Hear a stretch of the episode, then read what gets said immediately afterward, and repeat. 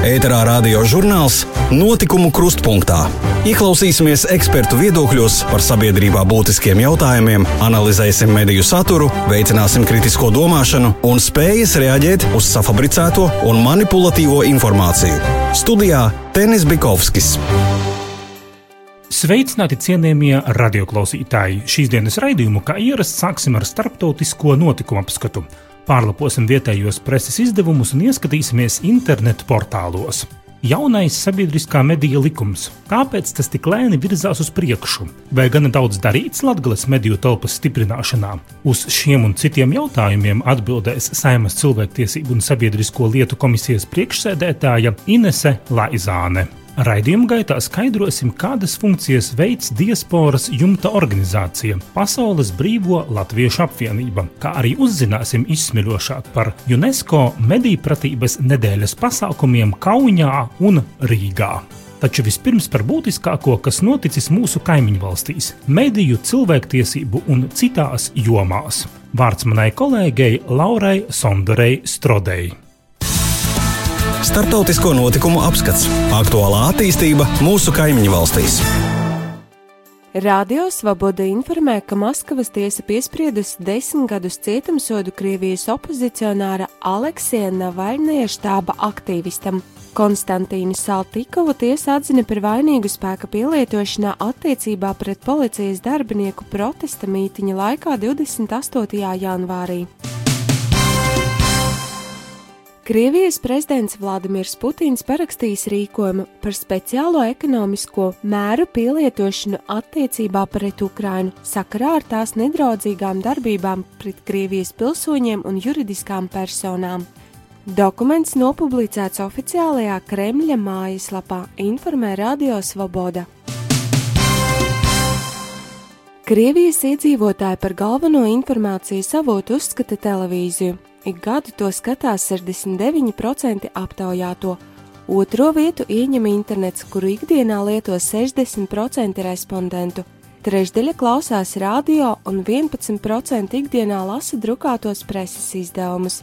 Šādi rezultāti nopublicēti balstoties uz Krievijas sabiedrisko organizāciju Pilsoniskā iniciatīva Fonds Mēdija standarts un pētnieciskās grupas Cirkons socioloģisko pētījumu rezultātiem. Kā liecina pētījuma rezultāti, 63% Krievijas iedzīvotāji valsts televīzijas kanālus uzskata par drošiem informācijas avotiem. Interneta mēdījiem uzticās 18% respondentu, sociālajiem tīkliem 15%, bet ārvalstu televīzijas un interneta ziņu mēdījiem uzticās tikai 3% respondentu. Radiostacija Deutsche Welle informē, ka Krievijas biznesmenis Jandeks līdzdibinātājs un tā vadītājs Arkādijs Valoža paziņoja, ka nepārdos savas uzņēmuma akcijas un negrasās pamest tā vadību. Iepriekš presē parādījās ziņas, ka Vološs vēd pārunas ar Krievijas krājbanku par Jandeks akciju paketes pārdošanu. Pēc Valoža paziņojuma Jandeks akcijas Maskavas biržā pieauga par 7,65%. Labējie ekstrēmisti sakarā ar pastiprināto interneta kontroli aizvien biežāk izmanto sociālo vietni kontakti. Par to liecina portāla hansimnets.info monitoringa dati, kuri tika nopublicēti 22. oktobrī. Monitoringa analīze parāda, ka Krievijas sociālās vietnes tiek uzskatītas par nosacīti drošu, jo to administrācija reti izrāda ieinteresētību izņemt lietotāju pretlikumīgos ierakstus. Sociālās vietnes iekšējie lietošanas noteikumi arī nedod pienācīgu efektu, ziņo radiostacija Deutsche Welle. Pēc Eiropas Savienības tiesas lēmuma apturēt augstākās tiesas tiesneša pensionēšanās vecuma samazināšanu vairāki polijas tiesneši pirmdien atgriezušies darbā. Sešas tiesnešus pie augstākās tiesas nama pirmdien sagaidīja vairāki desmiti atbalstītāju. Jau vēstīts, ka Eiropas Savienības tiesa piekdien lika Polijai apturēt lēmumu izpildi par augstākās tiesas tiesnešu pensionēšanās vecuma samazināšanu pirms tiek pieņemts spriedums strīdīgās tiesu sistēmas reformas lietā. Īstenojot pagaidu risinājumu, tiesa lika atjaunot amatos tiesnešus, kuriem nācās aiziet piespiedu pensionēšanās dēļ. Startautiskais valūtas fonds paziņoja, ka vienojies ar Ukrainu par nosacījumiem, kas ļauj piešķirt 3,9 miljardus ASV dolāru lielu aizdevumu. Ukrainas premjerministrs Volodimirs Groismans piekdien paziņoja, ka no 1. novembra gāzes cenas tiks paaugstinātas par 23,5%. Viņš arī atzina, ka bez aizdevuma Ukraina piedzīvotu defaultu. Ukraina nav saņēmusi līdzekļus no Startautiskā valūtas fonda kopš 2017. gada aprīļa, kad saskaņā ar iepriekšējo aizdevuma programmu saņēma 1 miljardu dolāru maksājumu. Lietuvas vides ministrijas darba grupa, kas tika izveidota reaģējot uz sabiedrības satraukumu par valsts meža ciršanu, Labanoras reģionālajā parkā ieteikusi noteikt stingrāku meža strādes kārtību valstī piedarošajos mežos, Kā piekdienas žurnālistiem pastāstīja vidas ministrs Ķēstutis Navicks, valsts liegumos un rekreācijas mežos no 1. novembra būs aizliegta meža ciršana, izņemot speciālās izlases cirtes un īpašas bīstamības apstākļos arī sanitārās cirtes. Aizvadītās nedēļas nogalē vairāk nekā pusotras tūkstotis lietuviešu atsaucās sociālajā tīklā Facebook izplatītajam aicinājumam doties 12 km garā pārgājienā pa Labanoras reģionālo parku, lai uz situāciju palūkotos savām acīm. Vienlaikus aicināt nodrošināt aizsargājamām teritorijām un vecajiem mežiem pienācīgu aizsardzību.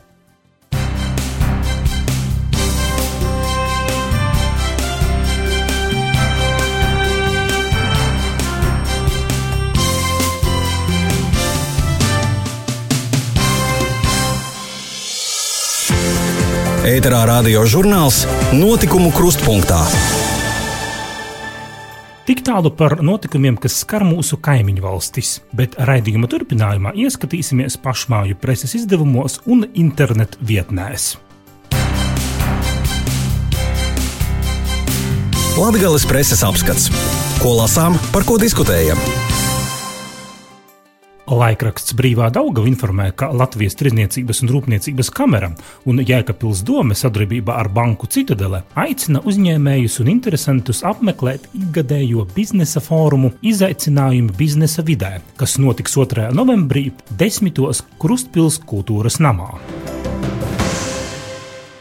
Laikraksts Latvijas laiks stāsta, ka Līvānu novada domas deputāti noraidījuši iesniegumu par jaunas azartspēļu zāles atvēršanu Līvānu pilsētas centrā. Tuvākā mēneša laikā Līvānu novada domē nāksies atkārtoti balsot par jaunas spēļu zāles atvēršanu Līvānos, šoreiz jau cita adresē - Rīgas ielā 88. Līvānu novada pašvaldība aicina novada iedzīvotājus aktīvi paust savu attieksmi un piedalīties iedzīvotāju aptaujā par šo jautājumu. Daugopilī Spaļu ielā jau nākamnedēļ būs jauns uzņēmums, kuru dibina Līvānu uzņēmums Daugulis un partneri kopā ar sadarbības partneri no Dānijas. Tā būs mūsdienīga ceptuve ar Dānijas uzņēmuma zīmolu, jo dāņu produkcija jau tiek eksportēta visā Eiropā. Tāds pats eksporta ceļš uz lielveikaliem būs arī Daugopilī saražotajai produkcijai, raksta Latgales laiks. Internetu portāls Jēkabils laiks vēsta, ka Jēkabils novada pašvaldība pagaidām neplāno reorganizēt Zasas vidusskolu, kuras desmitajā klasē ir tikai pieci skolēni. Novada domas priekšsēdētājs Aivars Vanaks uzsver, ka Jēkabils novadā šogad skolēnu skaits kopumā ir pieaudzis. Tādēļ pašvaldība riskējusi atverot Zasas vidusskolas internātu. Savukārt Latvijas plānošanas reģiona portālā lasām aicinājumu Latvijas pašvaldībām piedalīties starptautiskā pieredzes apmaiņas pasākumā ar Lietuvas pašvaldībām kultūras jomā, kas norisināsies šī gada 31. oktobrī Molētos Lietuvā.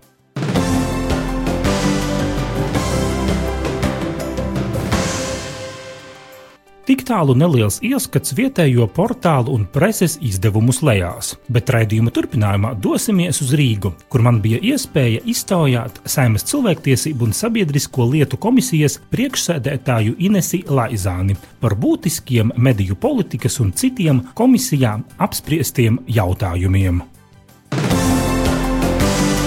Aktuālā intervija.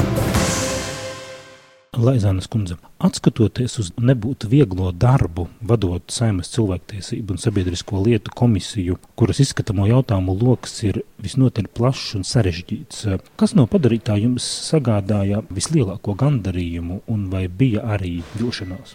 Gandarījumu darīja tas, ka tika pieņemtas vispār, un, teiksim, medījumā, mediju politikas no pamatnostādnes. Tas, nu, patiesībā tā pārsteidzoši, cik daudz gadus uh, mediju visi rulēja, bet, nu, teiksim, tāds virs uzdevums, virs mērķis, un, un ko tad mēs tur darām, un ko, kā mēs to redzam, nebija.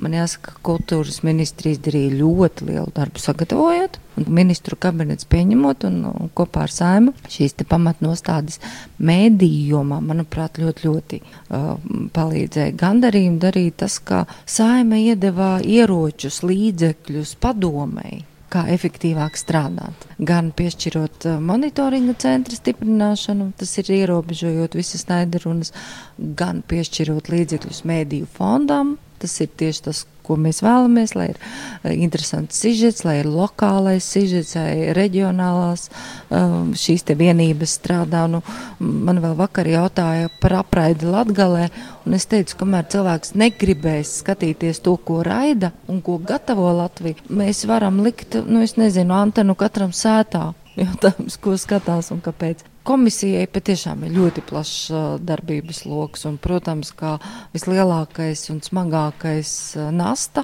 kas tika izdarīta un noņemta, ir VDK dokumentu atvēršana. Jo vienu brīdi es šaubījos, vai tas notiks šajā saimā. Par to mēs parunāsim sarunās turpinājumā, bet vēl varbūt kādas lietas, par ko gandarījums, vai arī par negatīvo, par ko vilšanās. Jā, vilšanās par šo pašu mm, sabiedriskā mēdījā likumu un par um, tā virzību, jo pilnīgi skaidrs bija pamanāms, kā ne visi koalīcijas partneri atbalsta, un līdz ar to tas būs jaunās sēmas kompetencē tālāk strādāt gan par uh, tieši konkrēti sabiedriskā mēdīja ombudu, par sabiedriskā mēdīja padomi, pārvaldību Eh, tika panākts tas, ka sabiedriskais mēdījis izies no reklāmas tirgus, bet arī tas ir nākotnes lēmums. Tas ir eh, pieņemts likums, kuram jebkurā gadījumā ir jābūt uh, saktam ar finansējumu. Un, ja, teiksim, sājuma ir izteikusi vēlmi, lai tā notiek, tad ir otrā izpildvaras lieta, vai tas tā varēs notikt. Nu, teiksim, neesmu pilnīgi pārliecināta un droša, ka tas patiešām īstenosies tie tādi lielākie arī vilšanās uh, sajūtas, ka nevienmēr izpratne par tādiem mēdīju svarīgiem mēdīju brīvības jautājumiem, uh, reģionālās politikas attīstības, uh, par latgaliešu valodu. Tie nevienmēr atguvā atbalstu. Nu, tie ir sākti, teiksim tā. Nākamais ēmai būs uh, jāpascīnās, lai tie tiktu īstenoti. Jūs jau pieskārāties šim jaunajam sabiedriskā medija likumam. Kāpēc, jūsuprāt, tik lēnu šis likums virzās uz priekšu? Tur ir ļoti būtiski iestrādāts par sabiedriskā mediju padomi. Un tas ļoti radikāli maina to, kas tad ir, kāda ir val, sabiedriskā mediju pārvaldība.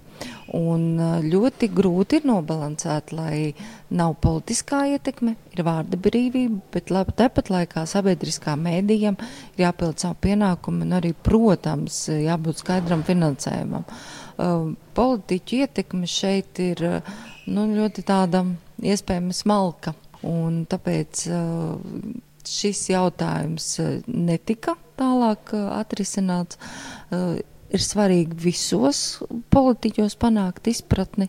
Un uh, arī man jāsaka, paši sabiedriskie mēdīji, uh, kuri varēja vairāk uh, iesaistīties un, teiksim, izrādīt nepieciešamību pēc jauna regulējuma, nebija tik aktīvi. Tāpēc es nevarētu būt droši, ka pateikt, ka ko tad īsti grib pati paši sabiedriskie mēdīji. Un tā kā mums ir gan radio, gan televīzija, bieži vien viņiem ir arī atšķirīgi viedokļi. Um, tā, tāpēc tie bija tie iemesli, kāpēc šis likums, likuma projekts uh, tikai daļa ir īstenot iestrādāta vecajā likumā, bet uh, ļoti būtiski jautājumi paliek tā, tādā elpa ievilkta, bet gaisa nav izpūsts. Tas tā politiski tā nesapratne. Es domāju, ka gan politiski nesapratne, gan arī tieši tāpat uh, pašu mēdīju, nu tāda nav izteikta skaidra griba. Latvijas mediju telpas stiprināšanai ir darīts pietiekoši daudz. Gan labākas apraides nodrošināšanai, gan arī satura ražošanai vietējiem un reģionālajiem medijiem. Bet eh, kas, jūsuprāt, būtu tās tēmas, kas Latvijas kontekstā izgaismotas, ir par mazu? Pati valoda, pati valoda ir izgaismota par maz. Eh, es uzskatu, ka ir svarīgi likumā noteikt eh, procentuālu daļu jo tā būs droša stabilitāte, ka valoda ir. Otrs, es, Tad uh, latgaliešu valoda. Jā, latgaliešu valoda. Otrs, uh, es uh, aicinātu visus mēdījus, es esmu par to runājusi, bet, uh, manuprāt, tas arī ir vēl tāds mūsu uh, visu izpratnes lieta. Valodai, latgaliešu valodai ir jābūt integrētai. Tas, tas nu, ir viena atsevišķa raidījuma par latgali un latgaliski, bet žurnālistam, manuprāt, uz ielas intervējot jebkuru respondentu, būtu pienākums pajautāt, vai jūs negribat atbildēt latgaliski. Jo tas rosinātu to, ka valoda ir dzīva un viņi lieto, kas patiesībā ir cilvēki savā starpā. Bet, nu, Tas nebūtu daudz, bet to varētu izdarīt. Manuprāt, šis ir ļoti svarīgi. Lai cīnītos ar svešu valstu propagandu, vai jūsuprāt pietiek analītiskas žurnālistikas no Latvijas pierobežas? Es patiesībā pati nesmu, es tos mazos, teiksim, mazās televīzijas, kas raida, nesmu redzējis un nevaru droši vien spriest, vai netiek tur īstenota šī tā analītiskā žurnālistika, bet to, ka visā sabiedriskajā telpā, mediju telpā, tā, manuprāt, man ir vajadzība vairāk, jā, bet nu, es nevarētu pateikt, ka tas ir noteikti saistoši pilnīgi visiem cilvēkiem. Man būtu grūti pateikt, vai jebkuram uz ielas pajautājot, vai viņš vēl grib īpaši šajā pēcvēlēšanu periodā vēl analītisko žurnālistiku. Man pietrūkst, bet vai tas pietrūkst visai sabiedrībai? Tādu apgalvojumu es nevaru teikt. Man jau vienmēr liekas, ka tas audzina cilvēkus un ir labi. Un, un tas jau ir tā reālā mēdī pratība. Šādi raidījumi var jau skolā mācīt un visu kaut ko darīt, bet šādi raidījumi ir reālā mēdī pratība, kā cilvēkus iemācīt, analizēt. Latviešu biedrības vēlas panākt, lai likumā noteiktu, ka vismaz 10% no sabiedriskā pasūtījuma satura sabiedriskajos plašsaziņas līdzekļos Latvijas televīzija un Latvijas radio ir latviešu rakstu valodā. Par to tika arī diskutēts samērā daudz, arī jūsu vadītās komisijas sēdēs. Piemēram, Nacionālā elektronisko plašsaziņas līdzekļu padoma bija kategoriski pret. Kāda ir uh, jūsu nostāja? Mana nostāja ir tā, ka ir jābūt procentuāli noteiktam. Es pilnīgi noteikti nevaru tagad uh, iestāties un teikt, ka tiem jābūt 10%. Man vajadzētu analizēt analizēt laiku, analizēt uh, uh, nu, raidījumu, kur, kuros un kā tas varētu būt. Bet uh, šie tie noteiktie procenti un integrētā valoda ir tas, uh, kas, manuprāt, ir pilnīgi noteikti jābūt. Un es ļoti ceru, ka Nacionālā elektronisko plašsaziņas līdzekļu padome izdzirdēs uh, šo te gan biedrību uztraukumu un vēlmi, gan es esmu pārliecināta un ticu, ka esošie deputāti jaunie jauni arī par to iestāsies. Nu, mums ir kas, kas cīnīsies par latgalisko. Saimnes cilvēktiesību un sabiedrisko lietu komisija atbalstīja ieceri par bijušās valsts drošības komitejas VDK dokumentu publiskošanu internetā. Kad tas varētu notikt un kurā mājaslapā mūsu klausītāji varēs meklēt sev interesējošo šo informāciju par VDK dokumentiem? Jā, es domāju, ka līdz gada beigām tā tad ir viena daļa, kurai jau ir jābūt pieejamai Nacionālā arhīva mājaslapā. Nacionālā arhīva mājaslapā. Adreses nevar pateikt, bet es domāju, uzklikšķinot Latvijas Nacionālais arhīvs noteikti būs. Viņi ir stāstījuši, ka tā būs tātad atsevišķa sadaļa. Es ceru arī, ka tā nebūs grūti atrodama, ka tā būs viegli pieejama.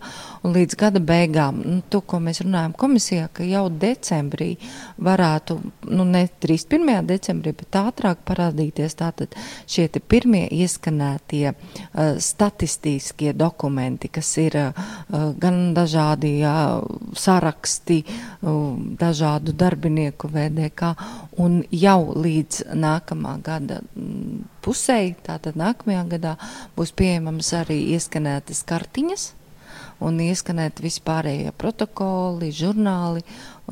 Tas, nu, to sakot, tagad man patiesībā ir liels gandarījums, ka tas beidzot ir izdarīts, jo līdz pēdējai dienai es nebiju pilnīgi pārliecināta, ka gan prezidents izsludinās, gan deputāti nobalsos, jo tā, nu, tāda dažādu šķēršļu likšana bija netvarama. Ir izskanējis sabiedrībā viedoklis, ka šī informācija varētu šķelt sabiedrību. Kā jūs to varat komentēt? Mēs pirms tam jau runājām, ka sabiedrība nav stulba. Sen jau sāpes ir izsāpētas. Tik ļoti, kā latviešu tautā arī viens otram paši latvieši ir nodarījuši. Visi to zina. Pārdzīvojot divas deportācijas, domāt, ka tie, kurus izsūtīja, dzīvoja neziņā, kas pielika roku un palīdzēja, lai tas notiktu, ir naivi. Pēc atgriešanās no izsūtījuma mans tētis uh, savas mājas mēbeles ieraudzīja citu kaimiņu mājās, bet tāpat laikā naida, dusmu un atriebības nebija ne pret vienu. Un ja šodien prasītu represētajiem cilvēkiem, vai viņi vēlas, vai viņu pēcteči vēlas atriebību, pilnīgi noteikti ne.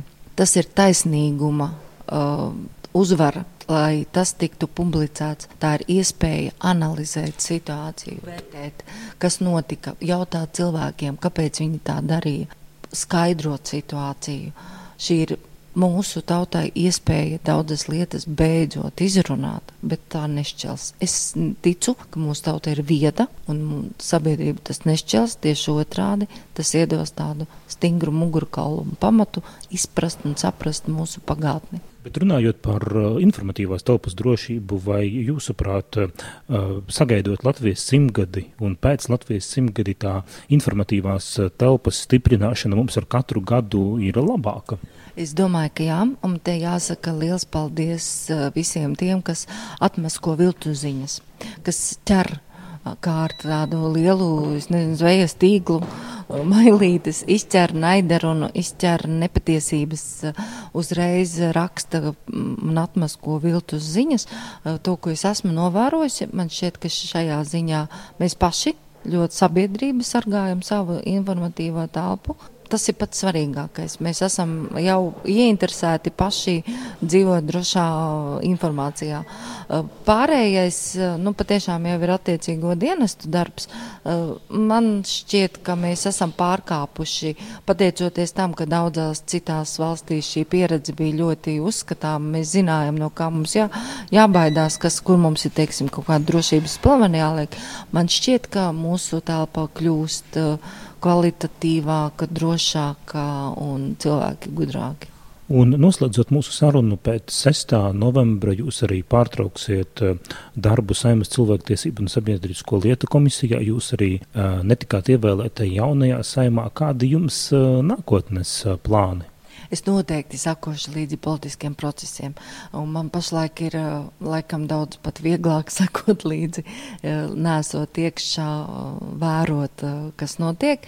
Es esmu pilnīgi droša, ka manas profesionālās zināšanas es atradīšu, kur pielietot, tās būs nepieciešams, bet sākumā es pilnīgi godīgi sakot, es atpūtīšos un parūpēšos par savu veselību. Es uzskatu, ka patiesībā tā būtu tāda līdzekļu izšķērdēšana, neizmantot pieredzi un zināšanas. Tā kā tas būtu pat man pienākums savas zināšanas kaut kur lietot mūsu valstī. Dzirdējāt sarunu ar Saimas cilvēktiesību un sabiedrisko lietu komisijas priekšsēdētāju Inesi Laizāni. Ēterā radio žurnāls Notikumu krustpunktā. Raidījuma turpinājumā no Jēkaba ielas Rīgā pārcelsimies uz Latvijas ielu 29, kur atrodas Pasaules Brīvo Latviešu apvienības birojas. Skaidrosim, kādas funkcijas veids diasporas jumtorganizācija. Pie mikrofona organizācijas priekšsēde Kristīne Saulīte no Austrālijas. Kas ir Pasaules Brīvo Latviešu apvienības kā diasporas jumta organizācijas mērķi un uzdevumi mūsdienās? Es gribētu teikt, ka um, tie uzdevumi un mērķi lielos mēros nav mainījušies. Um, mums ir, mūsu organizācija balstās uz ļoti spēcīgām pamatvērtībām, kuras mēs um, joprojām cienam un ņemam vērā. Un tās pamatvērtības ir latviskās izglītības, neviena saglabāšana un turpināšana, kultūras tradīciju kopšana, latviskās atkal, uh, Latvijas drošības noturēšana, jo, kā mēs zinām, kaimiņš mums ir tas, kas viņš ir, Krievija, mēs nekad nevaram būt pārāk, nu, nevaram paļauties uz to, ka kāds cits mums nāks un kādā veidā mūs glābs. Mums pašiem ir sevi jāpieskata lielā mērā. Un arī tāda visa veida sadarbība ar Latviju. Un tieši sadarbība ar Latviju kopš Latvijas brīvības atgūšanas laika, kas bija 91. gadā, tad šī sadarbība ir īpaši pastiprināta. Nedaudz sīkāk, kā tā sadarbība notiek, varbūt varat arī atklāt ļoti lielos uh, apmēros un apjomos un visdažādākajās nozareis. Um, ja es minēšu kaut vai par mūsu pamatvērtībām, latviskā izglītība, tad šīs dienās mēs sadarbojamies daudz un spēcīgi ar, ar gan ar Latvijas valdības institūcijām, kā mūsu viena no sadarbības partneriem ir Izglītības un zinātnes ministrija, tāpat Latviešu valodas aģentūra, kur mēs kopīgi strādājam un sastādām nepieciešamās programmas, lai mācītos, apgūtu latviešu valodu ārpus Latvijas. Un, jo īpaši tas ir skolām, vasaras vidusskolām, kādas ir, ir kur nopietni māca latviešu valodu un gramatiku. Un, um, tas, tas tā lielā sadarbība ir tiešām ar šīm institūcijām arī, bet ka mēs šīs dienās mums ir izcila iespēja no Latvijas dabūt latviešu valodas skolotājus, kas apmāca savukārt mūsu bērnus un jauniešus. Tas ir izglītības jomā, um, kultūras jomā, ja mēs uh, runājam, tad tā ir visa veida sadarbība, apusēja sadarbība. Gan mūsu kori un dēkopas brauc uz Latviju, tāpat no Latvijas pa visu pasauli braukā šie um, kultūras nesēji, un mums tā sadarbība kopīgi ir. Mēs pat nākošu gadu vedam vienu teātri pa Latviju, kas tas teātris brauks no Austrālijas un būs daudzās Latvijas pilsētās ar viesizrādēm. Un šīs viesizrādes būs sadarbības sadarbībā kopā ar Latvijas. Nu, aktieri būs no Austrālijas, bet teiksim, pārējais personāls viss būs vietēji no Latvijas. Tādā drošības laukā šeit ir īpaša loma mūsu Amerikas Latviešu apvienībai un tāpat arī Kanādas Latviešu Nacionālajai apvienībai sadarbībā ar NATO un arī viņu politiķu, īpaši Amerikā politiķu pieskatīšanu. Tad, ja valdība mainās, lai līdz ar to arī attiecības pret Latviju, pret Baltiju nemainītos. Mēs to uzskatām kā savu uzdevumu ļoti stāvēt, būt modriem, kā varētu teikt, un pieskatīt savus politiķus.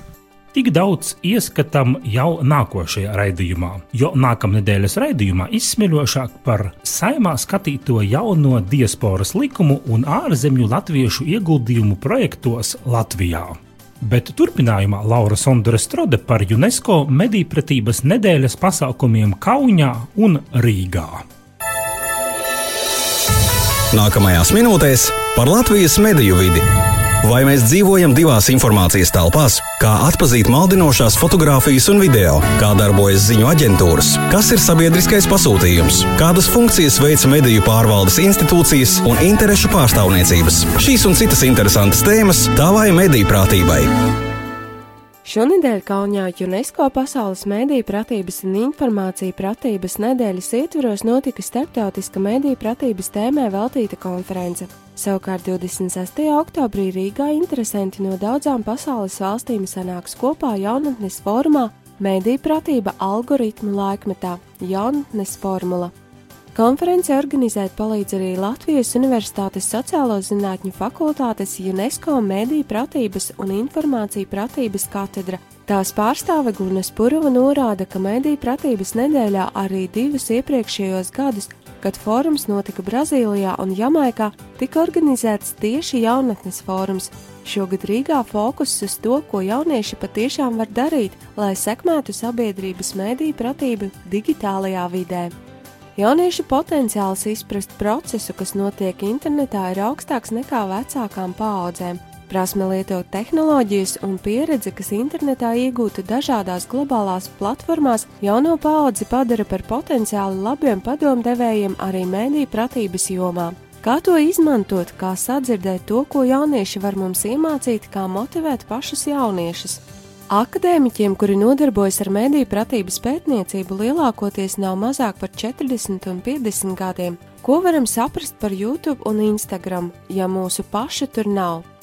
Lai izprastu to, kas notiek digitālajā vidē, ir svarīgi sastrādāties ar to paudzi, kuru mēdzam dēvēt par digital native, jeb dzimuši digitālajā vidē, pētīt un analizēt procesus ar viņiem kopā, Tā arī ir viena no jaunatnes forma pamatīdejām - veidot tiltu starp paudzēm, lai kopā pārvarētu digitālās plaisas. Bet kas notiks ar tradicionālajiem mēdījiem, radio, laikrakstiem un televīziju? Viena no lietām, kas visbūtiskāk raksturo mēdīju vidi šodien, ir tās nepastāvīgums, straujais mainīgums. Tas ir ļoti liels izaicinājums, Kā norāda Gunas Purava, jaunās paaudzes tradicionālo mēdīju patēriņš rūk ievērojami. Domājot par tradicionālo mēdīju biznesa attīstību, perspektīva ir bēdīga. Tradicionālajiem mēdījiem neaug jauna auditorija. Visdrīzāk jau būs tā, ka mēdīja būs spiesta meklēt veidus, kā radīt saturu jauniešiem jaunās, tiem piemērotajās platformās. Ēterā radio žurnāls Notikumu krustpunktā. Ar to arī mūsu raidījums pietuvojas beigām. Paldies, ka bijāt kopā ar mums. Visu labu mūsu klausītājiem abos Daugavas krastos novēlu es, Tenis Bikovskis. Uz sadzirdēšanos jau nākošreiz šajā pat laikā. Radio žurnāls notikumu krustpunktā ir sagatavots ar valsts reģionālās attīstības aģentūras finansiālu atbalstu no Latvijas valsts budžeta līdzekļiem.